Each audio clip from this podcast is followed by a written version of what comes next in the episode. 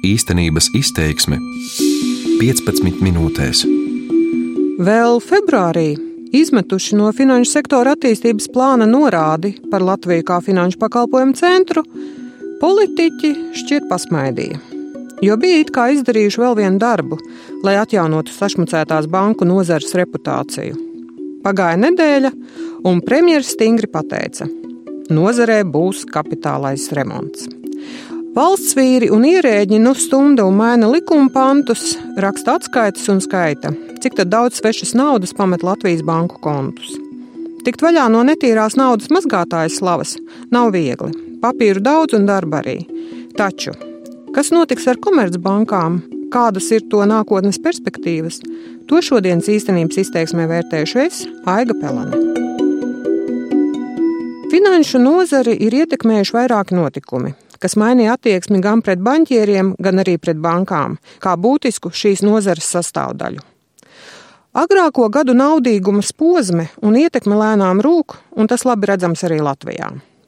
Pirmās būtiskās izmaiņas banku tirgu jau notika pirms desmit gadiem. Tieši tad finanšu nozare pirmo reizi tika pamatīgi sakartīta. Bija globālā finanšu un ekonomikas krīze, pirms tās bankas bija pamatīgi uzdzīvojušas, devušas kredītus īpaši nerūpējoties par riskiem un nedomājot par ilgtermiņa sekām. Viss sabruka. Cilvēki, ne tikai Latvijā, bet arī citviet, nevarēja atdot savus parādus, bankas cieta zaudējumus, un daudzas nācās glābt ar nodokļu maksātāju naudu. Tas radīja pirmo neapmierinātības vilni, kas gāja pāri arī Latvijai. Lai arī pagājuši desmit gadi, vēl joprojām ik pa laikam kāds sāk diskusiju, kādas sekas uz mūsu dzīvi ir atstājusi, piemēram, Pareks bankas glābšana. Otrakārt, pirms desmit gadiem mainījās pati finanšu vide un sāka attīstīties dažādas alternatīvas. Jaunās iespējas radās tiem finansistiem, kas bija spiest aiziet no grūtībās nonākušajām bankām, tāpat arī tiem jaunajiem talantiem, kas tikai pirms desmit gadiem sāka strādāt un gribēja labi pelnīt. Tas viss sakrit arī ar jauno tehnoloģiju uzplaukumu vilni un sāka rasties daudzi tā saucamie fintech, jeb finanšu tehnoloģiju uzņēmumi. Tie piedāvāja cilvēkiem pakalpojumus, ko vairs nevarēja vai nevēlējās piedāvāt bankas. Piemēram, Latvijā uzplauka tā saucamie ātrie kredīti, kas nu ir jau nokoduši palielu tirgus daļu no patēriņa kreditēšanas. Treškārt, Banku dzīvi būtiski ietekmēja arī ģeopolitiskā situācija. Piemēram, Rietumvalstīm pēc Krimas aneksijas strauji sabojājās attiecības ar Krieviju, tika noteiktas sankcijas. Tāpat Eiropa piedzīvoja bēgļu krīzi un pasauli pāršalca terorisma vilnis. Nesaprotamu naudas plūsmu apkarošana ir kļuvis par ļoti būtisku rīku, lai ierobežotu terorisma finansēšanu un izskaustu koruptīvos darījumus, kuros tik ļoti nepieciešama naudas mazgāšana. Šobrīd kontrolas pastiprināšanos no starptautiskajiem uzraugiem izjūt ne tikai Latvijas bankas. Pamatīgu netīrās naudas skandālu piedzīvoja arī Igaunija, problēmas atrastas arī Lietuvā, Čehijā un citu valstu bankās. Latvijas politiķi lepojas, ka esot izdarījuši jau tik daudz netīrās naudas izskaušanā, ka varēšot konsultēt citas valstis. Iespējams, ka tā arī notiks. Taču Latvijas banku sistēma, manuprāt, šobrīd piedzīvo vienu no lielākajiem satricinājumiem tās vēsturē - dziļu identitātes krīzi. Turklāt problēmas ir ne tikai tām nelielajām Latvijas bankām, kuras agrāk specializējās uz tā saucamo nerezidentu naudas apkalpošanu un pirmās nokļuvušas zem sitiena. Dzīvot pa vecam būs grūti visām Latvijā mītošām bankām. Pat labāk 12 Latvijas komercbankas ir iesniegušas Finanšu un Kapitāla tirgus komisijā savus jaunos biznesa plānus. Kas tajos sarakstīts, plašai sabiedrībai nav zināms. Komerc noslēpums. Taču, ņemot vērā pašreizējos tirgus apstākļus un situāciju, kad jauns biznesa modelis ir jāizdomā ātri, var pieļaut, ka lielu pārsteigumu tajos nav. Ir skaidrs, ka bankas var strādāt par pamatu ņemot vietējo, šajā gadījumā Latvijas tirgu, vai arī mēģināt atrast klientus citās valstīs. Paskatīsimies uz Latvijas tirgu, kas sastāv no divām daļām - privātpersonām un uzņēmumiem. Tātad Latvijā pat labāk oficiāli dzīvo nepilni divi miljoni iedzīvotāju. Realitātē visdrīzāk vēl mazāk, jo daudz ilgstoši strādā ārvalstīs un neinformē par to Latvijas iestādes. Iedzīvotāju skaits sarūk, un nekas neliecina, ka situācija varētu kardināli mainīties. Proti, Diez vai strauji sāks dzimt bērni, vai arī no ārvalstīm atgriezīsies liels skaits aizbraukušo, vai arī valstī tiks ievesti darbinieki no citām zemēm un tiks atļauts daļai arī šeit palikt. Tātad ap tiem nepilnajiem oficiālajiem diviem miljoniem cilvēku vien grozīsimies, ja pat ne mazāk. Tas pirmkārt. Otrkārt, svarīgi saprast, cik bagāti ir šeit dzīvojošie cilvēki Jo bagātāks cilvēks, jo vairāk finanšu pakalpojumu viņš var izmantot. Politiķi mīl saukt algas lielumu, kas ir uz papīra. Un pērno gadu mēs noslēdzām ar smuku ciparu. Vidējā darba samaksa valstī tuvojas 1100 eiro mēnesī. Tiesa, nepilni 28% no visiem strādājošajiem tomēr saņēma algu, kas bija mazāka par 500 eiro. Vidējais pensijas apmērs pārsniedz tikai 300 eiro. Nabadzības riskam valstī ir pakļauts teju katrs ceturtais iedzīvotājs. Tā kā nekāda lielā un bagātā nācija pagaidām tomēr vēl nesam. Praktiski visus Latvijas iedzīvotājus savā starpā jau ir sadalījušas tā saucamās lielās, jeb universālās bankas, kas gadu desmitiem ir orientējušās uz vietējo tirgu. Vai bijušajām nerezidentu bankām ir iespēja piesaistīt cilvēku sev? Teorētiski jā.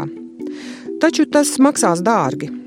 Piemēram, vai jūs zināt, kas ir Blue Orange Bank, vai Signet Bank, vai Expo Bank?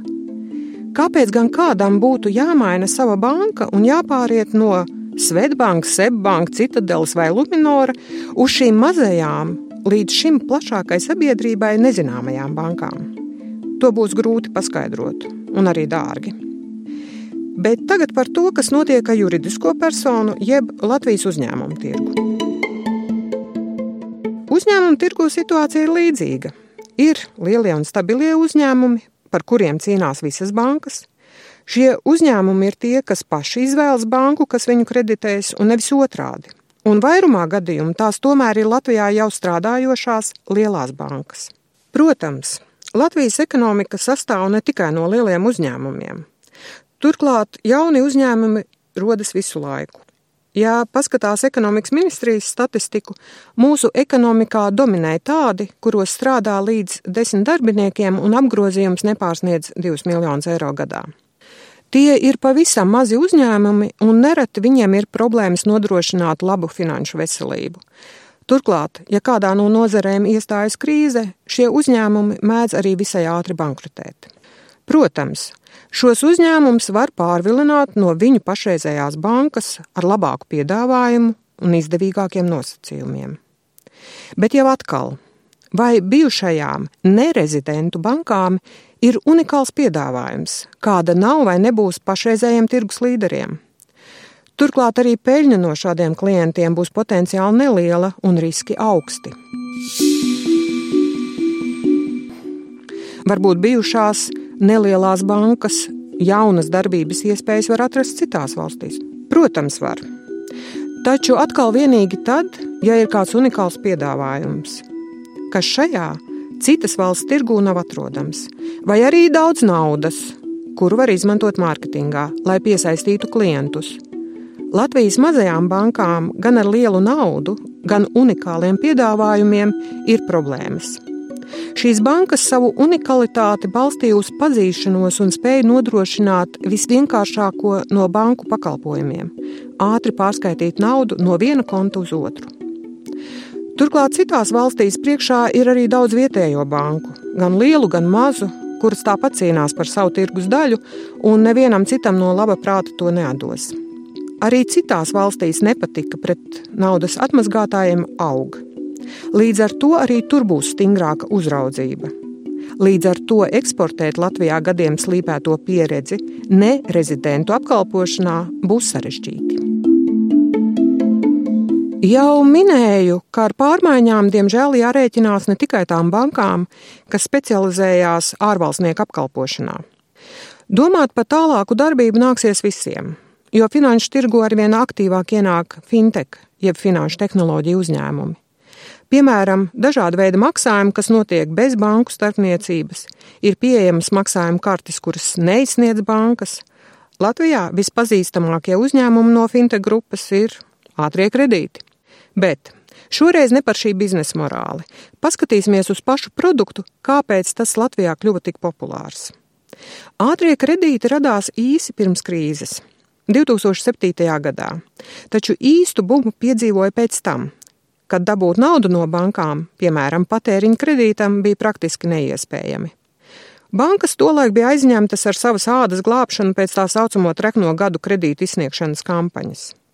Savukārt cilvēki bija pieraduši pie ātras naudas, un pieprasījums pēc šiem kredītiem strauji auga. Šobrīd Latvijā ir izsniegtas jau 60 licences nebanku kreditētājiem. Izsniegto kredītu apmērs ar katru gadu aug. Pērn pirmajā pusgadā no jauna aizņēmumos tika izsniegti 309 miljoni eiro. Bankas mēģina daļu no krīzes laikā zaudētā tirgus atgūt, taču ne īpaši sekmīgi. Jāpiebilst, ka nebanku kreditētāji nodrošina ne tikai naudu patēriņam un izklaidēm.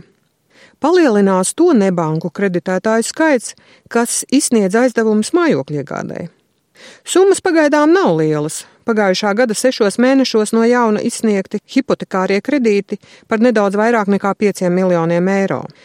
Taču aizdotās naudas apmērs aug. Tas tāpēc, ka bankas nelabprāt izsniedz kredītus laukumā iegādēji tālāk no Rīgas. Taču ir cilvēki, kas tur grib dzīvot. Tāpēc viņi iet pie nebanku kreditētājiem. Tātad, lai saglabātu tirgū jau esošās pozīcijas, vai lai iekarotu jaunu tirgus daļu, bankām būs jākaujas ne tikai savā starpā, bet arī ar cita veida finanšu uzņēmumiem, kuri arvien vairāk piedāvās tradicionālos banku pakalpojumus, turklāt ērtā un viegli pieejamā veidā. Satricinājumi banku vidē šobrīd patiešām ir lieli. Tik lieli, ka notiks pamatīgs kapitālais remonts. Taču tas būs saistīts ne tikai ar stingrākiem likumiem un potenciālo banku uzraugu nomaiņu, kā to šķiet pat labi ir iedomājušies politiķi. Tas, ko mēs redzēsim vispirms, Latvijā banku skaits visdrīzāk turpinās samazināties. Tas gan nav nekas pārsteidzošs. Tas jau ir noticis pēdējo desmit gadu laikā. Proti, ja 2008. gadā Latvijā bija 21 banka un 6 ārvalstu banku filiāles, tad pērnais gads noslēdzās jau ar 15 bankām un 5 filiālēm. Es neticu, ka visas pašreizējās Latvijā strādājošās bankas atradīs sev jaunu, darboties spējīgu biznesa modeli, kas turklāt strādās ilgtermiņā. Cilvēku skaita ziņā sarūkošais un ne īpaši bagāto cilvēku tirgus apmierināt visu pašreizējo banku vajadzības nevarēs, un kādam vajadzēs arī no šī tirgus aiziet. Kāda būs šī aiziešana? Vai vienkārši slēdzot, vai pārdodot, vai pievienojoties, vai apvienojoties, tas jau ir banku akcionāru ziņā. Turklāt ir arī skaidrs, ka neviens par šo procesu īpaši neskums. Finanšu un apdrošināšanas nozares daļa Latvijas iekšzemes koproduktā sarūk, un pērnā gada nogalē bija vairs nepilni 4%. Tas nozīmē, ka būtiskas pārmaiņas pašā nozarē nekādus lielus satricinājumus Latvijas tautsēmniecībai un sabiedrībai neradīs. Taču, ko darīt ar premjera Kariņa pasludināto kapitālo remontu? Manuprāt, svarīgi skatīties plašāk un sākt domāt ne tikai par kontrolas pastiprināšanu, bet arī par attīstību. Piemēram, kaimiņu valstī, šoreiz Lietuvā, valsts īpaši atbalsta jaunos finanšu tehnoloģiju uzņēmumus. Latvijā? Kaut kā šķiet, ka Latvijā cerēt uz īpašu atbalstu finanšu sektoram šobrīd laikam ir lieki. Latvijā banķierus vairs nemīl. Īstenības izteiksmi šodien gatavoja Aiga Pelāne, par skaņu rūpējās Uldis Grīnbergs.